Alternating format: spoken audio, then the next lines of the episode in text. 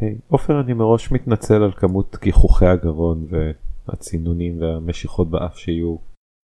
בסדר, מה לעשות. לפחות אתה פה. אה, לפחות אתה פה ולא הולך אחרי 12 דקות להתנתק ואז שאני ועופר נצטרך לחזור על משפט מסוים עוד פעם ואז שלוש דקות אחר כך להתנתק שוב כדי שאני צריך לחזור עליו שוב. יו, המחשב של דקל. קצת הרסתם את ההפתעה שהייתה לי לפרק בשבילכם, אבל אוקיי.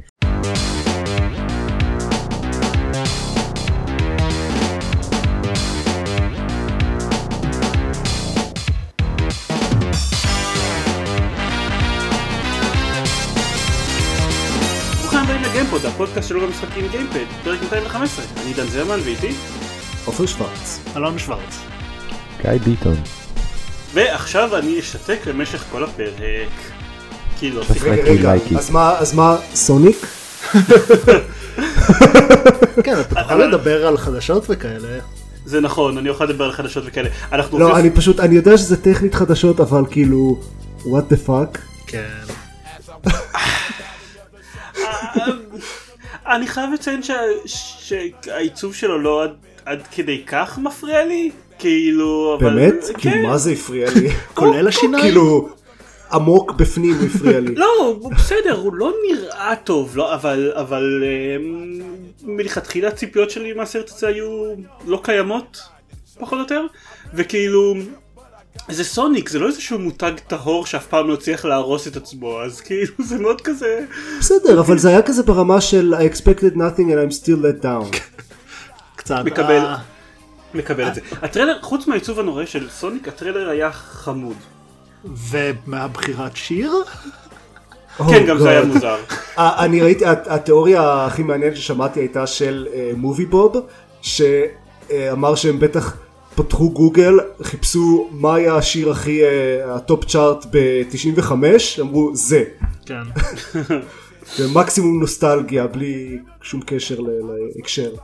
אני לא יודע אם הם ניסו לחקות במודע את דטקטיב פיקאצ'ו את הסגנון או שזה, או שזה סתם יצא ככה אבל, אבל זה בעיקר צורם ליד דטקטיב פיקאצ'ו כן. זה פשוט מאוד מאוד מוזר אז כן שוב עוד פרק שבו אנחנו מתחילים לדבר על חדשות למקרה שלא הבנתם מההקשר יצא טריילר לסרט של סוניק. אמ, It's bad. כן. It's bad guys. It's so bad. אבל זה בסדר כי עכשיו אה, כל האנימטורים וזה יצטרכו אה, to crunch אה, חצי שנה כדי לשנות את ה design שלו אז כן זהו זה הטענה עכשיו אה, אני לא זוכר מי צייץ את זה שאנחנו לקחנו את הביקורת אה, ללב ואנחנו נשנה את העיצוב שלו אה, וזה כנראה או ייראה רע או לא, לא באמת ישנה כמעט שום דבר כי זה לא משהו שעושים בדרך כלל בכמה חודשים לפני שהסרט אמור לצאת. זה לא, לא משהו שקורה ועדיין יכול להיראות טוב אחר כך. אבל היי לכו תדעו אולי זה לא יהיה אסון קולוסלי. אני בעיקר תוהה כאילו למי הם כן יראו את זה לפני הטריילר? כי מישהו ראה את העיצוב הזה ואמר כן זה סבבה. אני לא יודע, כבר מההצצות הראשונות ש... שהיו, הפוסטר עם הדמות אה, צללים של סוניק, כולם אמרו שזה נראה ממש ממש לא טוב, וזה עוד לפני שראו פרטים לגביו. אני לא בטוח איך זה קרה. אני כן אגיד לחיוב שה tagline Every hero has a genesis is pretty good. זה נכון. כן. ב- ב- ב tagline ב- בדבר שהוא רק אה, כמה מילים של טקסט they did well. שוב, אני גם חושב ש... אה, שג'ים קרי אחלה. אבל כאילו, אוקיי, כן, בסדר, ג'ים טוב, קרי הוא לגמרי ג'ים קרי. כן. כאילו. כן, כן, כן, אני לא חושב שהיית יכול להגיד משהו יותר ניטרלי על ג'ים קרי מזה. אני לא חושב שיש שום דבר ניטרלי בלהגיד על מישהו שהוא לגמרי ג'ים קרי. נכון. כולל ג'ים קרי. וואו. That's deep. כמעט עמוק כמו every hero is a genesis. בכל מקרה זהו I, I had to get it out of the way. לגיטימי. אז, אז משחקים? עכשיו משחקים? כן. שאינם סוניק? אז כן. יאללה, שוורצים. כן. כן יצא במקרה ששיחקנו די באותם משחקים כמעט בשבועיים האחרונים. זה לא לגמרי במקרה. אמרתי לך, לא לגמרי במקרה. בוא תשחק דיוויז'ן זה ממש כיף בוא נשחק דיוויז'ן ביחד. בסדר, The Division זה לא במקרה. כן. וגם אה, מי רוצה עותק ביקורת של one finger death punch 2? אף אחד לא יודע על מה אני מדבר, שני השוורצים מרימים את היד. אז כאילו... וואי, איך. כולכם איך כולם פספסו את one finger death punch הראשון? הוא היה כל כך טוב. אני לא יודע. אני לא פספסתי, אני שיחקתי בו, אני פשוט, כאילו, לא, אני, אני, אני ידעתי שאתם רוצים אותו יותר. כן, אני מדבר על כאילו, נגיד הקשבתי לפרק הקודם ודקל מדבר בפליאה על אה, דברים במשחק, ואני כזה, "לא- למה לא שיחקת בזה? משחק מצוין. הוא, לא היה מאוד מוכר. כאילו, אני חושב שהייתה הייתה תקופה מאוד קצרה שבה אנחנו חשבנו שכולם שיחקו בו, אבל תכל'ס זה בערך, כאילו, אני ושניכם שיחקנו בו. וזהו, כאילו, לא, הוא לא עשה הר- הרבה רעש. אני חושב. אה, אני, אני רוצה רק לציין אגב שכשכתבתי את הליינאפ אז יצא לי איכשהו בטעות במקלדת one fronger death punch. אני לא יודע איך זה קרה אבל מבחינתי זה השם של המשחק עכשיו. I would play that game. אז אפשר כבר לדבר על one fonger death punch 2, כן, כן. אם כבר. שעופר אני יודע דיבר עליו בפרק הקודם, כן. אני יודע גם סיימת אותו מאז, נכון? אז אה, קול. אני אגיד בינתיים, אני מאוד נהנה ממנו. אני קצת חושב, מאוד מרגיש לי שהם ישבו בכמה שנים האלה שעברו מאז המשחק הראשון, וחשבו על מה כל הדברים שאנחנו יכולים לעשות עם המכניקה הבסיסית הזו של אה, דברים שבאים מהמסך מימין ומשמאל וקליקים בעכבר. בואו נשים במשחק את כולם.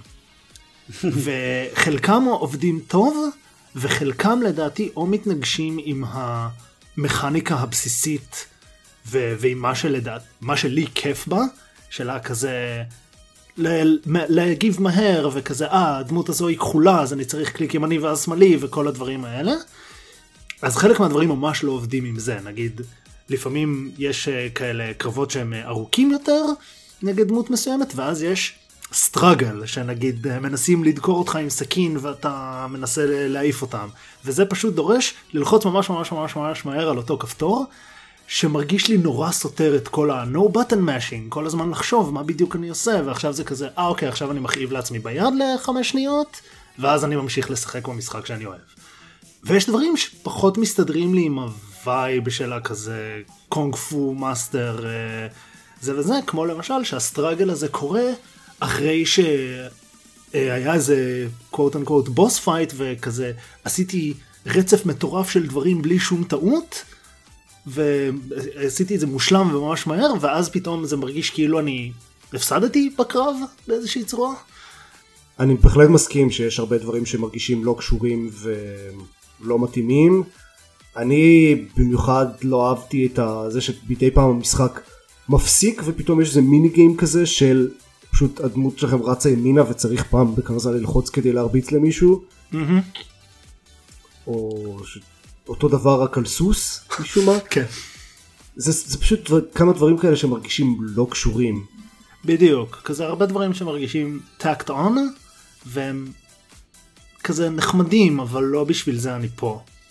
אז זה דבר ראשון ודבר שני ככל, בשלבים מאוחרים יותר במשחק יש אה, שלבים ספציפיים שנהיים כל כך ארוכים ואתה מתחיל שלב ואתה רואה את ה counter של כמה אויבים צריך להרוג לפני שהשלב נגמר והוא על 600 זה כזה אני מתחיל את זה ואני שוקל לצאת מהמשחק.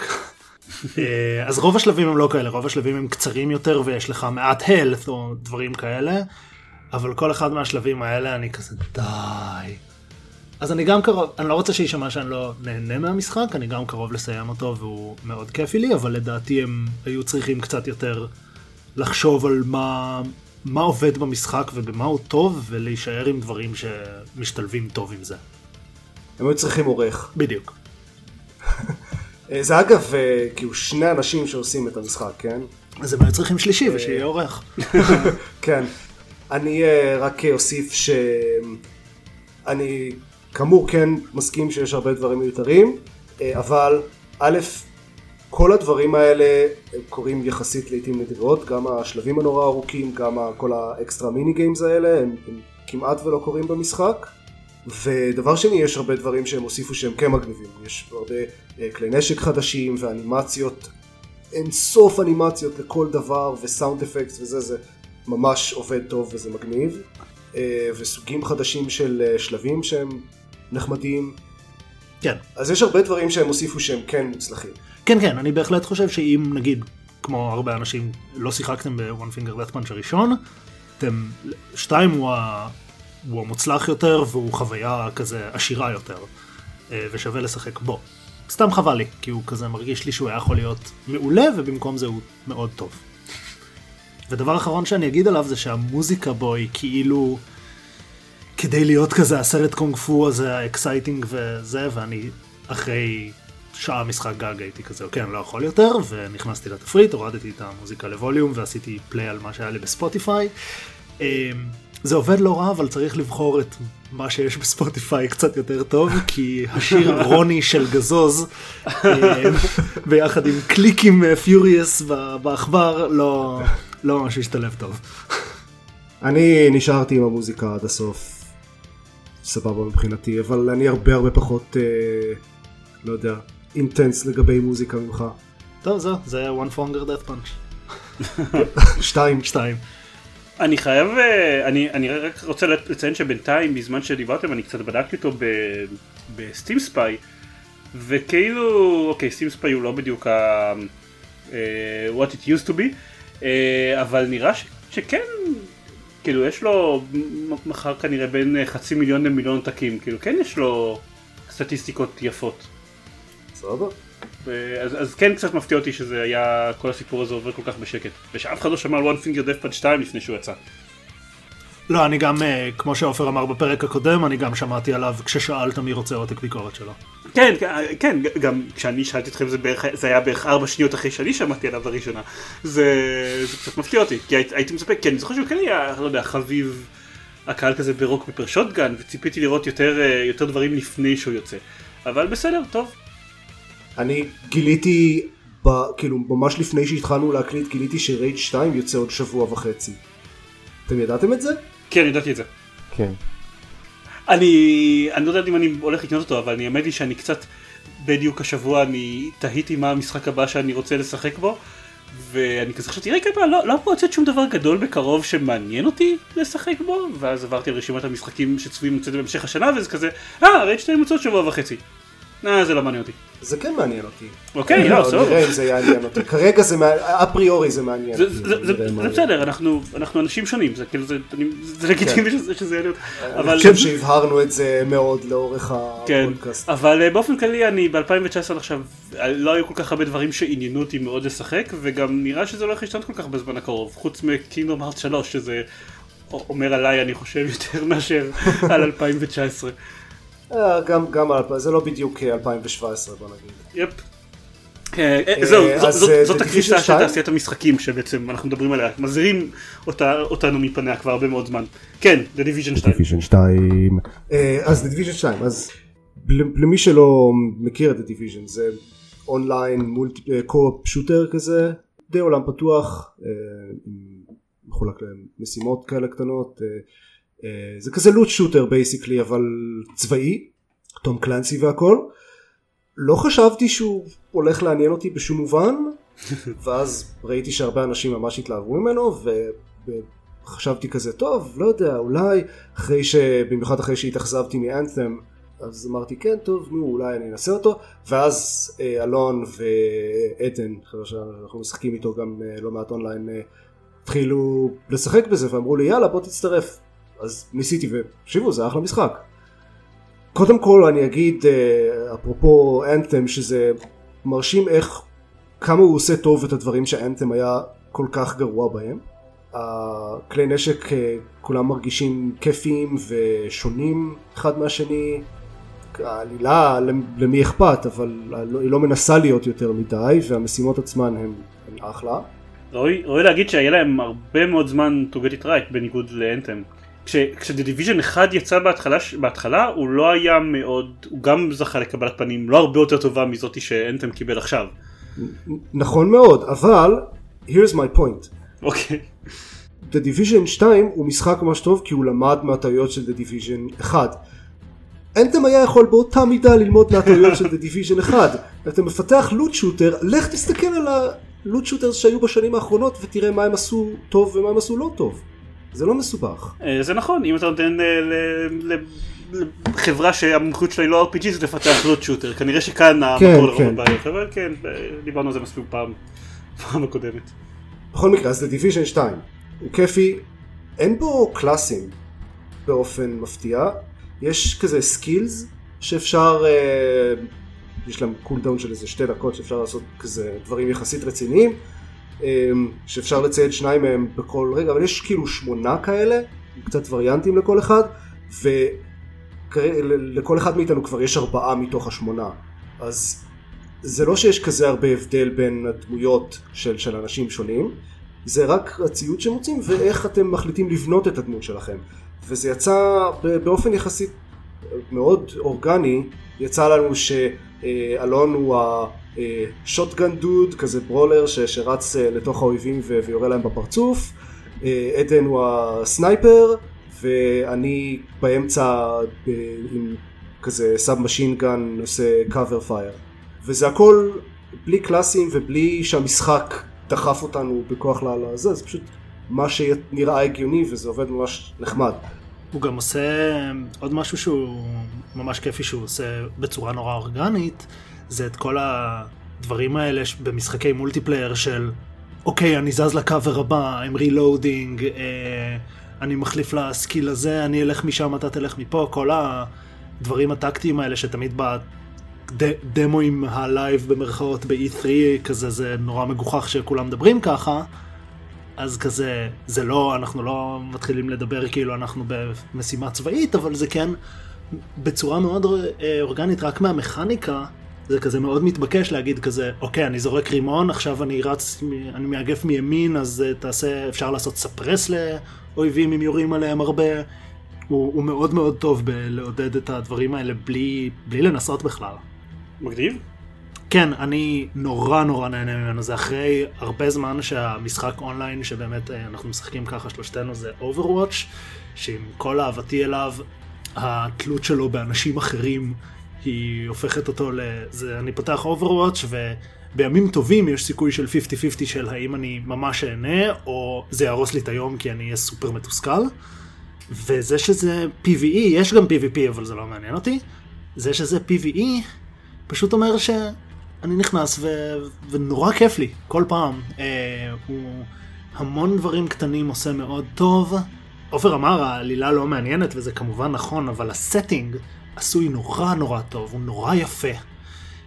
המשימות, גם אם לא אכפת לי ממה באמת הרקע ללמה אני הולך למקום הזה וזה, אז היה עכשיו משימה שעופר בדיוק אה, עשה, ואנחנו עשינו קצת קודם, של אה, ללכת ל-Museum of American History ולמצוא את ה-Declaration of Independence. ומסתובבים ב-Museum of American History וכזה רואים את כל הדבר, התצוגות וזה מסביב וזה, וזה מרגיש מגניב.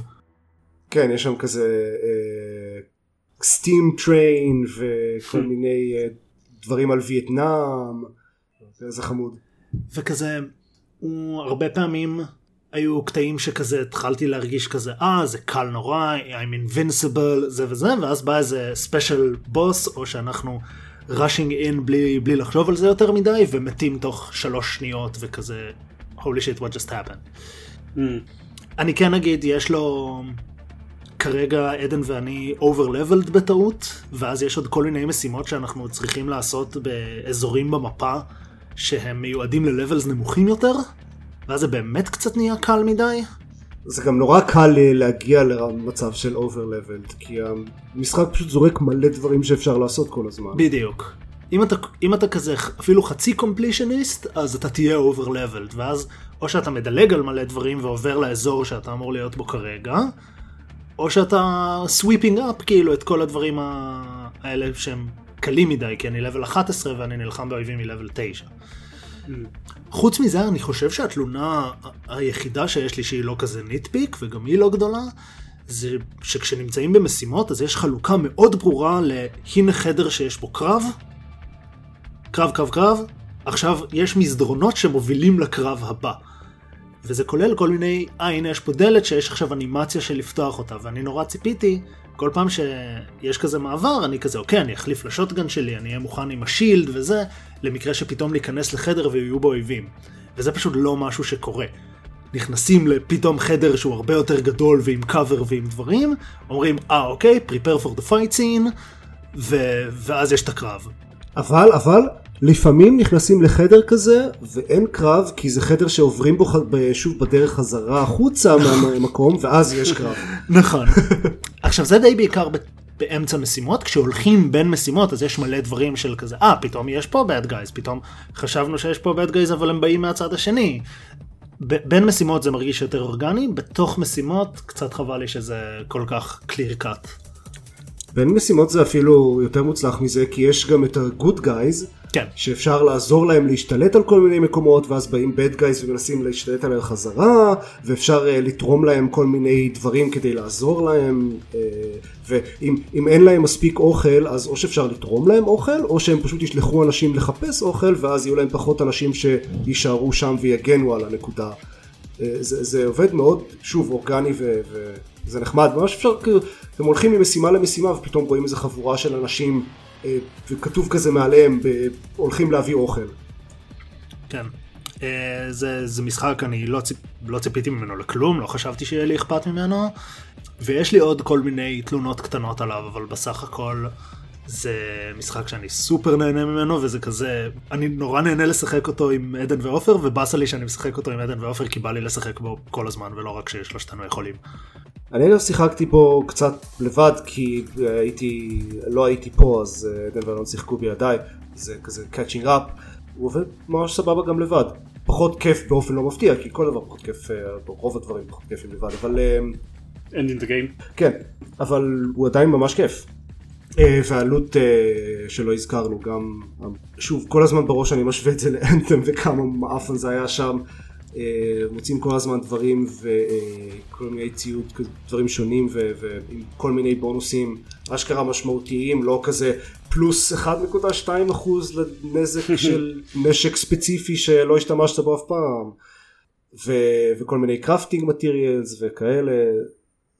זה משחק טוב. nice. אז אתם ממליצים בעצם. אה, אז אפשר לעבור אה, ל Monster Boy, שזה, אני לא אדבר עליו הרבה, כי דיברו עליו כבר לא מעט בפודקאסט. אבל אמרו עליו דברים טובים. אבל אמרו עליו דברים צריך טובים. להגיד עליו כבר קצת דברים גרועים. רעים. אתגר. כן, אה, זה לא כזה אתגר, הייתי שמח אם זה היה יותר אתגר. אני... לא, אז אני שיחקתי בו לא מעט, ובהתחלה כזה הייתי כזה, כן, הוא ממש חמוד, אני כזה... I'm having a good time, ועם הזמן הבנתי שיש רגעים ש-I'm having a good time, ויש רגעים שאני ממש מתוסכל ומעוצבן, והחלק השני הזה הולך ותופס חלק גדול יותר מהמשחק. יש בו פשוט כל מיני דברים שהוא מרגיש קשה בצורה לא מאוד הוגנת ולא בצורה כיפית. היה אויב אחד בפעם האחרונה ששיחקתי, שהיא אולי הפעם האחרונה שתשחק, שאני אשחק, ניצחתי איזה בוס גדול ו... ומעצבן, ואז היה איזה אויב אחד שהוא מין כזה אייס בלוב כזה, ולא משנה באיזה צורה השתמשתי ובאיזה כוחות השתמשתי וזה וזה, הוא פשוט פתח לי את הצורה כל פעם, כי כל פעם שנוגעים בו עם משהו, כולל עם נגיד ההתקפה שלך, אז הוא מקפיא אותך ואתה צריך כזה to wriggle free וליפול שמונה פלטפורמות למטה, ופשוט נאבקתי באותו מוק חמש דקות והייתי כזה, אוקיי, I'm done. Um, לעופר הייתה חוויה עוד פחות טובה. זה משחק שמרגיש כאילו כל המכניקות שלו עובדות נגד, אחת נגד השנייה, וכאילו מוצב לא להיות קשה אלא מתסכל. המכניקה, השליטה מרגישה כזה אמ, לא טובה ולא מדויקת ונורא סטיקי כזה, אה, ויש, הפלטפורמינג הוא קצת כזה לא מאוד מדויק. ויש הרבה מים ובוץ ש, שנורא מאיטים וקשה לנווט בהם כמו שצריך ואז יש אויבים שצריך כזה לזוז מהר כדי להתחמק מהם אז אם במקרה נפלתם למים או לבוץ אז באסה אתם הולכים להיפגע מהאויבים האלה ואז כשאויבים פוגעים בכם אז זה, יש איזה כזה חצי שנייה שאי אפשר לזוז בכלל אה, אז זה מוסיף על זה פשוט כל, כל דבר כזה רק מוסיף עוד קצת לתסכול של פשוט לנסות להגיע מנקודה A לנקודה B, אני לא מדבר אפילו על קרבות גדולים או אה, אתגרים רציניים של פלטפורמינג. השליטה הבסיסית במשחק הזה היא לא כיפית, זה, זה פשוט לא נעים לשחק בו. אז אז הפסקתי. וואו, היה לי חוויה כל כך שונה. אה, אני לא יודע בדיוק כמה שיחקת. אה, לגבי מה שעופר אמר, אה, אין לי יותר מדי איך להגיב לזה, כי בסופו של דבר, אם לא נהנית אפילו ממשהו כמו התזוזה במשחק, אין פה ממש משהו להגיד כדי לעזור לזה או, לשנות את דעתך. אבל לגבי מה שאלון אמר, יש איזה רגע במשחק שהוא jumping the shark לחלוטין, והופך להיות מקשה בצורה שאני נהניתי בו לקשה מאוד מתסכל ולא פשוט לא פייר יותר. השלוש ארבע שעות האחרונות שלו לדעתי הם היו פשוט צריכים לסיים אותו לפני. אה, והם רצו להאריך קצת את הזמן שלו ובאמת יצרו כמה שלבים פשוט נוראים ומתסכלים בצורה בלתי רגילה. בגלל שהייתי 15-16 שעות מחויב אליו כבר אה, אה, המשכתי. אבל אה, כן יש איזה שלב בו הוא נהיה פשוט מתסכל נטו.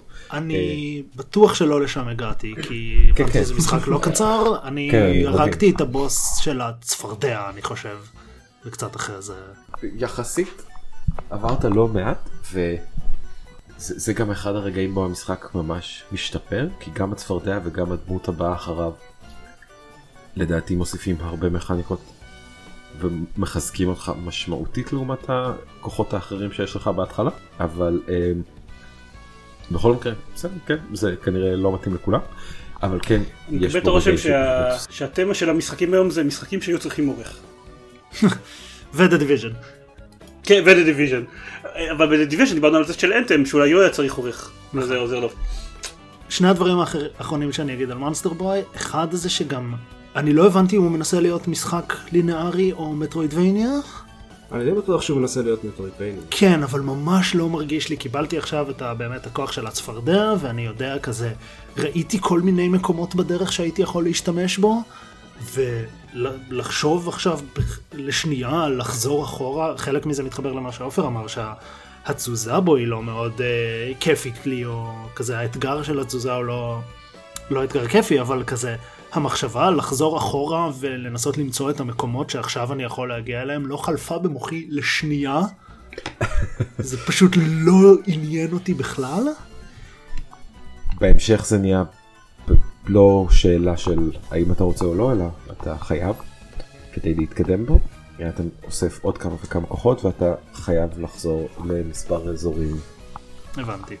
והדבר האחרון שלי יש להגיד זה שעוד משהו שנורא חבל לי כי הדיזיין שלו כמובן כן מאוד חמוד ומאוד כזה שמח וכיפי וזה ואם המוזיקה הייתה פחות רפטטיבית יואו כי זו מוזיקה חמודה ב-20 שניות שנותנים לך ואז אותם 20 שניות שוב ושוב ושוב ושוב כזה זה יכול לעשות כזה הבדל לעשות את אותו קטע כמה פעמים כי בגלל שאני לא מסתדר עם השליטה או whatever אם היה לי כיף להקשיב לזה. אבל זה כל כך חוזר על עצמו וכל כך נמאס שפשוט אה, זה היה פקטור לא קטן. פשוט די. אה, סתם שאלה כללית, אה, אני גם כנראה אדבר על זה כשאני אדבר על המשחק Switch שאני משחק פה מאוחר יותר, אבל שיחקתם אותו עם Joy-Cons או עם אה, ה Pro Controller? Pro Controller. אוקיי, סבבה. אני שיחקתי בטיסה אז אה, אוקיי, אז, אז החוויה שלך אמורה להיות רעה לדעתי, אבל זה כבר שיחה אחרת. אה, טוב נעבור הלאה יש לנו עוד אה, הרבה להספיק. כן, אז זה היה Monster Boy, ועכשיו... אה, גיא אתה רוצה לדבר קצת? אני יכול לדבר זריז על SteamWorld Quest ועל Sekiro, ואז אה, לחזור אליכם. אני אשמח לשמוע על אה, Sekiro אז נתחיל ב Sekiro. ועל SteamWorld Quest. אה, Sekiro Shadows Die Twice. מה זה לא הסגנון שלי? מה זה לא ה comfort zone שלי? ומה זה משהו שאני לא אשחק? הניסיון שלי במשחקים פרום סופטוור הוא שעתיים בדארק סולס 2 ואיזה חמש שעות בבלאדבורד שלוו בסבל ותלונה אחת ארוכים. אני לא אוהב את הזריקה הזאת לעולם לא מודע לחלוטין, אני לא אוהב את התסכול שהם יוצרים לי, אני לא אוהב את חוסר הבהירות ואני לא אוהב את המזוכיזם ואת הסבל העצמי שאני חווה כשאני משחק בהם. אבל סאקירו שונה לגמרי. כלומר, הוא עדיין קשה מאוד, אבל הוא מאוד קוהרנטי. כבר בפתיחה אתה מבין מי אתה פחות או יותר, אתה מבין את העולם בו אתה נמצא, יש עלילה, מספרים לך דברים, אתה מצליח להתחבר רגשית גם לדמות שאתה משחק וגם למטרה שלה, אז יש לך איזה מחויבות כשאתה נכנס לעולם. וראשית כל זה שיפור אדיר למשחק פה, יש, אתה צריך להשקיע המון אנרגיה וסבלנות כדי להתקדם בו. אז כבר פה זה עבורי הופך אותו להרבה יותר נגיש לעומת פורם uh, סופטוורס אחרים. אני משחק אותו על הפלייסטיישן, um, הוא קשה בטירוף, אני סובל, אני מת מלא, היה איזה בוס שמרתי אותו איזה 25 פעם. בשלב מסוים בת הזוג שלי אמרה לי, למה אתה צריך את זה? למה אתה עושה את זה לעצמך? ולא יכולתי להסביר לה למה, אבל כאילו הסיפוק כשהרגתי את, את אותו הבוס היה פשוט בלתי נגמר, סיבובי שמחה וצהלה בסלון, להרים את, את, את הבן הקטן שלי ולרקוד איתו, זה היה פשוט משמח, כן. שנים אחר כך הבן שלך ידבר על זה שהרגע המאושר ביותר בחייו היה כשאבא שלו ניצח בוס בסקירו. או איזה נוב אבא שלו שלא יכול לנצח בוסים בסקירו. גם זה כן. לא זה כן. זה, כן. הם עשו טאץ' קצת שונה הפעם, הם לקחו את יפן הפאודלית, אתה משחק סמוראי, הוא אלים בצורה מגוחכת ודוחה, פשוט דם וצרחות רצח בכל פעולה. וזה לא כל כך נעים, אבל אה, יפן הפאודלית נראית מצוין, והוא לא, האווירה מאוד נעימה, ו... לא נעימה, סליחה, האווירה מאוד uh, מתאימה ומאוד, uh, יפן פשוט מאוד, מאוד כיף להסתובב שם, שזה אזורים קצת יותר מושלגים וזה פשוט יפהפה. Um, אין סיכוי שאני אסיים אותו בחיים, כמות הזמן שהייתי צריך להשקיע כדי להרוג איזה 4-5 מיני בוסים ובוס אחד פשוט פנומנלית. אני לא רואה אותי אי פעם משחק משחק כזה, אבל... Um, העשר שעות ששיחקתי בו היו מאוד מאוד כיפים ומאוד מספקים. חבל שהוא דורש כל כך הרבה מהשחקן, הייתי שמח אם היה רמות קושי וכל הדיון, לא מזמן הם הוציאו איזה באץ' שהופך את המשחק לקל יותר לכל השחקנים, אני לא זוכר בדיוק מה היה שם, אבל כל האינטרנט וכל תרבות הגיט קוד התפוצצו והתלוננו עד אין סוף. אבל רבאק בחייאת, תנו לי את האפשרות לשחק אותו על רמה קצת יותר קלה והייתי ממש שמח מזה. לא, התלונות uh, על סקירו, לפי מה שהבנתי, לקח לי זמן שהבנתי מה זה הולך שם, היו לא על זה שהם הוסיפו רמה קלה יותר, אלא על זה שהם עשו את כל הרמות לקלות יותר. כן, גם את הרמות זה, זה בדיוק מה שאמרתי, שהוא נהיה קל יותר לכל השחקנים, אבל עדיין יש דרך לחוות אותו כמשחק מאתגר יותר, יש ניו גיים פלאס, יש מיליון ואחת אפשרויות לעשות דברים. יש לו הרבה מכניקות ואני לא אכנס יותר מדי לכולם. כי בעיקר אני מעדיף לדבר על SteamWorld Quest, אבל הוא ה FromSoftware הראשון שנהניתי ממנו, וחבל לי שאני פשוט, הוא כאילו קצת, קצת מעייף מדי עדיין עבורי, ובמקום שאני נמצא בו בחיים שלי וכו' וכו'. אני בהחלט uh, מתכוון לנסות אותו מתישהו, אני לא יודע אם מיד, אבל בעיקר כי uh, uh, משהו אחד ששמעתי שהם שינו, ש...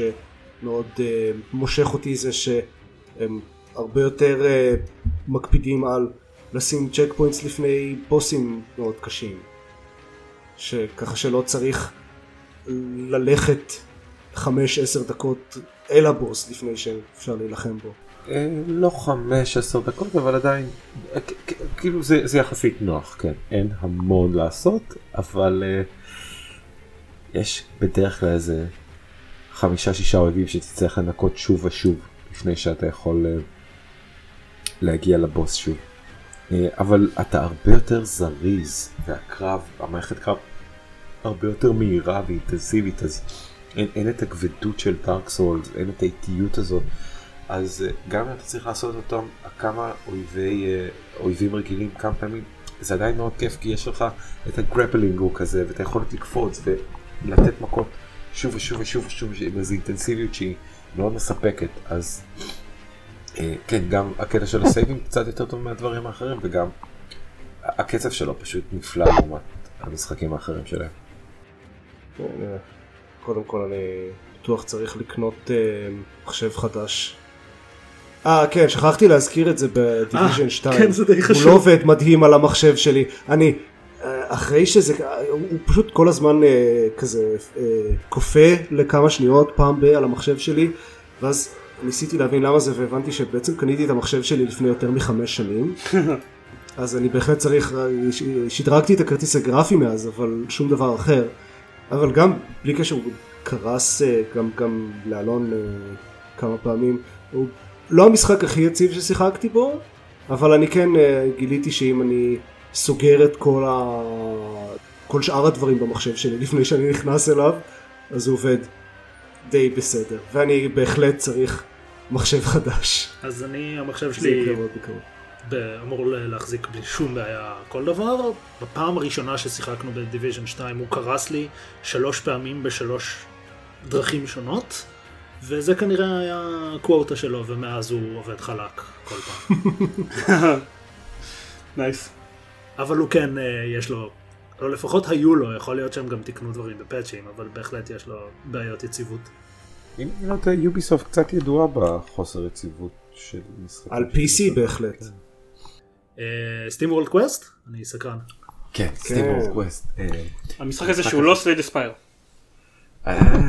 המשחק החדש של Image & Form, אני אישית מאוד מאוד אוהב אותם. למי שלא מכיר, העולם של SteamWorld הם כל פעם מוציאים משחק חדש שהוא אה, מכנית שונה לחלוטין. אה, יש להם אה, Metroidvania אחד, יש להם tower defense אחד, יש להם עכשיו את SteamWorld Quest שהוא RPG deck builder שכזה style Slay the Spire, כן? אה, אבל זה עדיין אותו עולם. אה, עולם סטימפאנקי מאוד, אה, רובוטים ישנים כאלה, SteamWorld Quest מלווה בהרבה יותר טאצ'ים של אה, פנטזיה, יש מלא דרקונים וקסם ואויבים מהסוג הזה, לעומת נגיד SteamWorld Dig שהוא הרבה יותר מערבון, בכל מקרה כן, כמו שאמרתי, RPG עם ה vibe המאוד מצחיק שלהם והמאוד כיפי, מאוד משעשע דמויות חמודות, אה, שהם המון גימיקים שחוזרים שוב ושוב בעלילה, אה, אבל מה שבאמת נחמד בו זה מערכת הקרב. הוא deck builder, יש לך אה, party של, אוקיי, ה party, אה, יש לך חמישה אה, דמויות שאתה יכול לשחק, אבל ה party שלך מורכב משלושה מהם, אתה בוחר אה, אותם, לכל אחד מהם יש, לא בצורה מוצהרת, אבל בפועל class כלשהו, אה, יש טנקים, אה, הילרים, מייג'ים, ומשהו in between כזה בוא נגיד monk או משהו כזה שמבוסס על קצת healing קצת melee damage וקצת אה, קסמים ולכל אחד מהם יש סט קלפים. אתה יכול לבחור שמונה קלפים אה, ל deck שלך ואתה נזרק למה, לקרב נגד כ- כמות רנדומלית של אויבים בכל פעם, whatever שזה יהיה, בוס אחד, חמישה אויבים אחרים וכו' וכו'. ואז איך זה עובד? לכל אה, קלף יש אפשרות לתת לך mana או לעלות mana. אה, אתה צריך לבנות דקים בצורה כזאת שיהיה לך מספיק קלפים שנותנים mana כדי להשתמש בקלפים החזקים יותר שעולים mana. עכשיו, חוץ מזה יש עוד, זאת המכניקה הבסיסית, אתה משחק אה, שלושה קלפים בתור, אה, ואחרי שאתה משחק את הקלפים שלך, תמיד האויבים ישחקו. אז אתה יכול לעשות דמג', אתה יכול לעשות הילינג, מה שבא לך, אבל אתה תמיד צריך לשים לב שיש לך מספיק מנה לקלפים שעולים מנה, או שאתה יכול להיתקע במצב בו אין לך קלפים שלא עולים מנה, ואז אתה לא יכול לשחק כלום. עוד מכניקות שקיימות שם זה שאם אתה משחק אה, את כל השלושה קלפים של התור עם אותה הדמות, היא מקבלת בונוס ומשחקת איזה יכולת ייחודית לה. היכולת הזאת קשורה לנשק שקיים על הדמות הספציפית הזאת, אז אם אתה מחליף נשקים אתה יכול להחליף את הבונוס הזה, לפעמים הוא יכול להיות איזה ריפוי לכל הדמויות, אה, לפעמים הוא יכול להיות דמג' מאוד חזק לאויב אחד, מגוון של דברים. נשמע, נשמע מאוד party based card game כזה. כן, כן, מאוד מאוד. באופן מפתיע. אה, לא שיחקתי אישית Slay the Spire, אבל ממה שכולם אומרים הוא ממש ממש Slay the Spire. אה, עוד מכניקה מאוד חמודה זה שיש קלפים מסוימים לדמויות מסוימות שמקבלות בונוס אם אתה משחק אותם אחרי קלף של דמות אחרת אז יוצר איזה סינרגיה בין הדמויות האלה. אלה המכניקות המרכזיות שלו. כמובן שיש אויבים אה, בדומה לכל פיינל פנטזי או משחקים הדומים אה, שרגישים יותר לאלמנטים מסוימים וחזקים יותר לאלמנטים אחרים. אה, כל האלמנטים הקלאסיים של חשמל, אה, מים, קרח, אש וכו' וכו'. ואז בעצם מין משחק מטריצות כאלה. מה השילוב קלפים הכי טוב שאני יכול לעשות כדי לעשות מקסימום דמג' וכו' וכו'. וזה סייקל שעובד מאוד מאוד מאוד טוב. אני יחסית רחוק בו. אני חרשתי אותו לחלוטין בשבוע האחרון, זה 12 שעות. אה, אני מתחיל את השליש האחרון שלו לדעתי, ואני מאוד מאוד נהנה. העולם נראה ממש מגניב, וחוץ מלהסתובב בו ולהילחם באויבים, יש גם כל מיני סודות קטנים שאתה צריך למצוא, את תיבות אוצר שנותנות לך אה, ציוד או קלפים חדשים, אה, אפשרות לאסוף כסף, כל מיני סודות קטנים, אה, כל מיני ספרים קטנים שאתה יכול למצוא, ו... או, או, או, או scrolls שכזה מספרות איזו בדיחה מצחיקה על האזור, על איזה דמות, כל מיני דברים כאלה. אה, וזה מאוד מאוד הם תמיד היו טובים כן. בעיצוב. יש להם touch מאוד מקסים לעולמות שלהם ו SteamWorld Quest ממשיך את זה. אה, אחד התלונות הגדולות שלי אליו הוא הוא לא נותן לך יותר מדי סיבה לשחק את כל החמש דמויות שיש לך בפארטי. אתה מתחיל בשלוש דמויות בהמשך אתה אוסף את הדמות הרביעית ואת החמישית אני משחק עם הדמות עם שלוש דמויות כמעט כל המשחק. מהרגע שקיבלתי את השלישייה הפותחת שיחקתי איתה וברגע שהגיעה הדמות הרביעית הכנסתי אותה לפארטי ופשוט לא החלפתי מאז. זה נוטה אבל לקרות במשחקים כאלה. כן וזה קצת חבל. כאילו יש להם איזה מכניקת אה, אה, 60 או 70 אחוז מה-XP הולך לדמויות שלא בפארטי עצמו אז אתה לא טום הם לא יותר מדי אחורה אבל פשוט הם פחות כיפים. לא יודע אולי זה משהו אישי איתי אבל אני לא רואה סיבה לשחק עם כל הדמויות. והדבר הנוסף הוא התיבות אוצר אז אמרתי שיכול להיות אה, ציוד או קלפים. ואחת הבעיות המרכזיות היא שקלפים יחסית חזקים אה, וכאלה שהם יכולים להיות ממש משמעותיים למשחק נמצאים באזורים סודיים ואם אתה לא עושה את המאמץ למצוא אותם אתה ממש מפספס את חוויית אה, חוויה של סינרגיה משוגעת שיכולה להיות לך במשחק. עכשיו נכון הוא לא דורש ממך יותר מדי כדי לעשות בו 100% אני עד כה משחק אותו די רגיל וכל סוף שלב אומרים לך כמה מהתיבות הסודיות מצאת וב-12 מהעולמות שעברתי עד כה בכולם מצאתי 100% בלי באמת לנסות אפילו. הוא מאוד uh, נוח ב- להגיד לך כן כן יש שם אזור סודי אתה לא טועה זה, זה לא סתם נראה ככה אבל עדיין כאילו הם, הם לא מאוד טובים בלהשאיר את החבילת קלפים שלך אתה צריך לעשות אקסטרה מאמץ זה נשמע כמו בעיה די רצינית כי זה חלק זה רוב המהות של דק בילדר. נכון אבל אה, כמו שאני אומר מצד אחד נכון זה חלק מהותי מצד שני באמת לא צריך יותר מדי להתאמץ פשוט אם רק תנסה לשחק את המשחק בצורה בה אתה לא מחפש יותר מדי ימינה או שמאלה ת- תפספס הרבה. הם יכלו לדחוף את אותך לעשות קצת יותר תוכן צדדי או פשוט להעריך את המשחק הבסיסי במקום לעשות את זה כאזורים סודיים פשוט להוסיף עוד כמה אזורים בשלב. הדרך שהשלב בנוי זה מין כזה אה, אתה נכנס לחדר אה, יש לך אופציה ללכת למעלה ימינה למטה אתה עובר לחדר הבא יש בו אה, ישר או למעלה וכו' וכו' כאילו מלא מלא סטים של חדרים כאלה אחד אחרי השני במפה. והרבה פעמים בשביל העלילה הראשית אתה ממש לא צריך לעבור בכולם אבל אם תעבור בכולם חוויית ה deck building תהיה הרבה יותר טובה.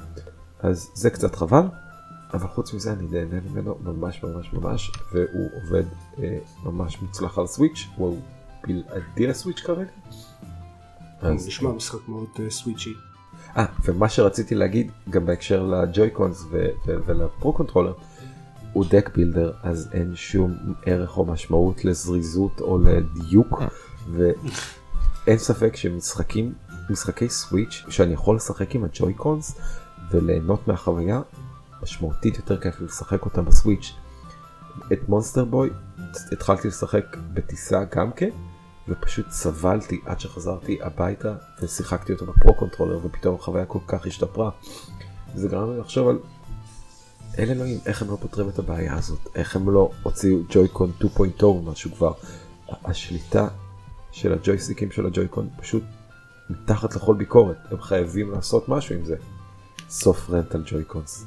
אה, זה- לא הפריע לי אף פעם חוץ מב Celeste למרות שיכול להיות שזה כן הפריע לי ב Monster Boy אה, אז לך תדע אבל זה המשחק הראשון שזה הפריע לי בו ממש אגב כי רמת הדיוק שדרושה בו היא מאוד גבוהה וזה זה המשחקים שאתה מגלה בהם כמה Joy-Cons מחורבנים שיחקתי היום אה, אצל חבר ב Cuphead co-op mode ששנינו היינו עם Joy-Cons This was a rough rough challenge. Cuphead לא קל ועם Joy-Cons הוא פשוט מתסכל. והלכתי הביתה להביא את ה Pro Controller שלי וחזרתי ובאמת נהניתי יותר. אז בסדר, כן, זה, זה לא רלוונטי, או, ויש לנו עוד מיליון משחקים לדבר עליהם אז אני אפסיק להתלונן על Joy-Cons, אה, אבל SteamWorld Quest מאוד מוצלח. ודבר אחרון שאני נזכר ששכחתי זה להגיד תודה לאדלי שנתנו לנו עותק של Sekiro אז תודה לכם. אה, נכון. good call. כן. אה, סוף. אחלה. אז זה היה SteamWorld Quest. מה אנחנו רוצים בזמן שנשאר? אז אה, אפרופו Joy-Cons, שיחקתי ב Katana Zero, הוא זמין גם ב-PC אבל שיחקתי בו על ה Switch כי הייתי בטיסות וזה. זה basically Hotline Miami? כאילו מי, מי ש... המפתחים של המשחק הזה מאוד מאוד אהבו את Hotline Miami. אה, זה אותה מכניקה בסיסית של אה, כזה להרוג אויבים מאוד מהר וכזה להתגנב מאחורי דלתות או להרביץ להם כזה one hit one kill אה, בשני הכיוונים. שלבים מאוד קצרים ו-retry times מאוד מהירים. vibe נורא כזה פסיכדלי 80's כזה צבעים של ניאון ומוזיקה מתאימה. הרבה סמים. קטעים כאלה בין המשימות ש- שהם מאוד סוריאליסטיים. basically ההבדלים המרכזיים מ Hotline Miami זה שזה side scroller ולא top down ושיש bullet time אבל מעבר לשני אלה זה לגמרי Hotline Miami זה הם כאילו לקחו את, ראו את Hotline Miami ואמרו shit אנחנו רצינו לעשות את זה טוב בואו נעשה את זה רק side scroller עכשיו Hotline Miami זה לא בהכרח דבר רע כן? זה אני כן. לא מאוד אה, אהבתי אותו אבל הרבה אנשים כן מאוד אהבו אותו. אבל לדעתי Katana Zero עושה שני דברים בעייתיים בקטע הזה. אחד זה שהוא המצב ההתחלתי בשלב הוא משתנה כלומר האויבים יכולים להיות במקומות קצת אה, שונים או בכיוונים שונים וכל ה... אה, כל מיני turrets ולייזרים וכאלה שיש להם cycles יכולים להיות במקומות שונים כל פעם שמנסים. אז, אז, אז באמת ההפך, כן, אוקיי. זאת כל הפואנטה של לנסות שוב ושוב ולהתמקצע בדבר המאוד קצר הזה. והדבר השני הוא שאויבים יכולים להופיע מחוץ לשלב. כאילו להיכנס פתאום באמצע מדלתות עוד אויבים.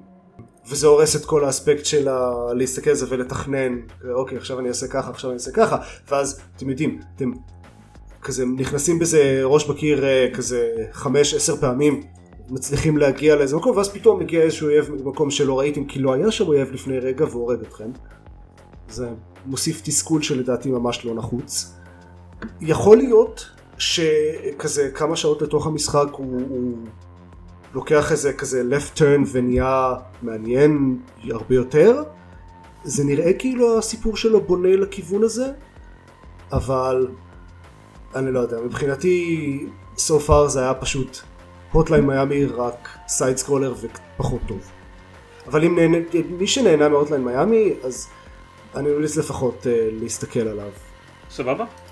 כאילו לא כזה סבבה אבל בסדר, אוקיי. sounds nice. אה, ויש בו מכניקה כל כך כל כך מיותרת של dialogue trees. לא ברור לי למה היא שם. למה לא? כן, נשמע מאוד לא קשור. זה היה Katana Zero. טוב. Fisherman's Tale? Fisherman's Tale. פינת פינת ה-VR של פינת שוורץ. אביער של שוורץ. אז אה, כן רציתי לנסות כזה הרבה זמן לא שיחקתי ב Oculus משהו שהוא לא Beat Saber גם הרבה זמן לא שיחקתי Beat Saber אבל זה מסיבות אחרות. אז בדקתי כזה קצת אה, ביקורות וזה והורדתי משחק שנקרא Fisherman's Tale. הוא יצא מה שהבנתי ל-PC רק לפני איזה חודשיים וקצת. זה משחק פאזל שבו משחקים דייג שגר בכזה בקתה שצמודה למגדלור. והרעיון הוא שיש לו בתוך הבקתה כזה אה, דגם של הבקתה והמגדלור שהוא גר בהם. אה, ואז לילה אחד בלה בלה בלה פתאום הוא קם ומסתכל בתוך הדגם ורואה את עצמו עושה מה שזה ומסתכל מהחלון ורואה את עצמו בענק. אה, וזה פשוט רקורסיבי כזה בתוך הדגם יש אותך. ואז יש כל מיני דברים שצריך לעשות, כזה צריך להדליק את המגדלור, אז צריך כל פעם לפת... להגיע לעוד ועוד אזורים וזה וזה. חלקם הגדול מן הסתם מתבסס על כזה לקחת משהו קטנטן, כאילו יש משהו בבקתה אבל הוא ממש גדול מדי, אז לוקחים אותו מהדגם ואז הוא קטן, או הפוך. כזה שמים משהו בתוך ה... אה, כזה לוקחים איזה חפץ קטן, שמים אותו בתוך הדגם ואז הוא פתאום נוחת לידכם מלמעלה עם היד הענקית שלכם אה, וכזה הוא הרבה יותר גדול. זה רעיון מאוד חמוד, זה ממש מגניב, כאילו ב-VR. מסתכלים, מסתכלים כזה למעלה ורואים את המגדלור בכזה כמה עותקים ב- גדולים בצורה אקספוננציאלית. יש לו כזה סיפור נחמד עם כזה קריין עם מבטא צרפתי שמקריא אותו הרבה יותר מדי לאט והרבה פעמים אני כזה כבר עושה את הדבר שהוא מדבר עליו וקוטע אותו באמצע. הוא אמור להיות מאוד קצר, אני שיחקתי בו אתמול קצת פחות משעה והבנתי שהוא בין שעה לשעה וחצי סך הכל. Um, עולה 15 דולר, אז up to you כמה זה, כמה זה שווה לכם. זה בערך אותו סדר גודל של רוב המשחקי VR העילתיים, כאילו זה, זה די נהיה הסטנדרט שהם קצרים. כן, שאני בסדר עם זה, כאילו אם לא, אם לא היו לי דברים אחרים לעשות אתמול בערב כנראה שהייתי מסיים אותו בסשן אחד והייתי סבבה לגמרי. גם אתה, אתה לא רוצה לש- לשבת כזה יום שלם ולשחק VR. בדיוק. כן, לא, גם נזכיר את זה גם בהקשר של דיברנו לפני פרק אחד או שניים על הווייבפורט, על המנגנון הזה, על המערכת בשביל לזכור משחקי VR. שזה יכול כן. להיות מאוד מאוד מועיל לזה. כן. אה, אז זהו, הוא מאוד חמוד. יש לי איתו בעיה רצינית, שתי בעיות רציניות. אחת זה שכמעט כל הפאזלים מסתמכים על למצוא חפץ מסוים ואז לקחת אותו ולשים אותו או בתוך המודל או זה, ואז לקחת את הגרסה השונה שלו ולהניח אותה באיזה מקום אחר. וכמות הפעמים שבטעות או בלי שבכלל הבנתי למה נשמט לי מה שאני מחזיק או אה, יש כפתור שכזה שולח את היד קדימה שזה מאוד נוח שלא צריך כזה להתכופף ול- כל הזמן אבל או פתאום חפץ שהחזקתי קליפט into the wall ונעלם וכזה חפצים חוזרים למקום אבל זה אחרי איזה דקה וחצי או משהו כזה. וואו. למה? אז הרבה פעמים אני פשוט כזה, היה לי קטע אחד שיש איזה חתיכת צינור, שאיזה חמש פעמים, או הפלתי אותה ולא מצא, לא הצלחתי למצוא אותה, או היא נתקעה לי בתוך משהו אחר, והייתי צריך פשוט לעמוד שם כמו אידיוט, וזה literally לעמוד, כי זה אני עומד באמצע החדר עם VR. זה, זה מחרפן. והדבר השני הוא שהטון של זה הוא קצת כזה... נראה שזה הולך לכיוון של יש משהו בהיסטוריה של הדייג הזה שהוא אה, טיפה יותר רציני אולי, או נושא קצת יותר כבד, אבל חלק מהזמן זה מרגיש קצת סיפור ילדים, ואה פתאום יש סרטן שמדבר איתכם במבטא עוד יותר, עוד יותר צרפתי, ופתאום יש דג על הקיר שצריך אה, ל- give the fishy some water, והוא מתנשם בכבדות, וזה כזה קצת מרגיש לי לא, לא מאוד אה, אחיד, אבל אה, משחק חמוד. אני בהתחלה חושב שאתה מדבר על זה שזה מרגיש מאוד סיפור ילדים ואז פתאום יש סרטן. אה, לא. אוקיי. ליטרל קראב. לא, אה, כן, כן, כן. הבנתי, הבנתי את זה כשהגעת למבטא הצרפתי, אחרת זה היה ממש מוזר. משחק הזוי, אבל לא, לא כזה הזוי. סבבה, טוב, אנחנו נעשה מעבר זריז כבר, אה, כי we running out of time, אז נעשה מעבר זריז לפינת ה-VR של גיא? אה, ואז פינת אה, חדשות VR. כן, פינת ה-VR של החדשות. ממש בכמה מילים, אה, הייתי בביקור בארץ וחלק מהחוויה כלל אה, Beat Saber אצל אדון זיירמן, holy fucking shit, איזה כיף. כן, זה חלק מה- אגב מה kit חוויות שמוכרים לאנשים, אה, מה- מהגרים ישראלים שבאים לביקור בארץ. Beat Saber אצל זיירמן.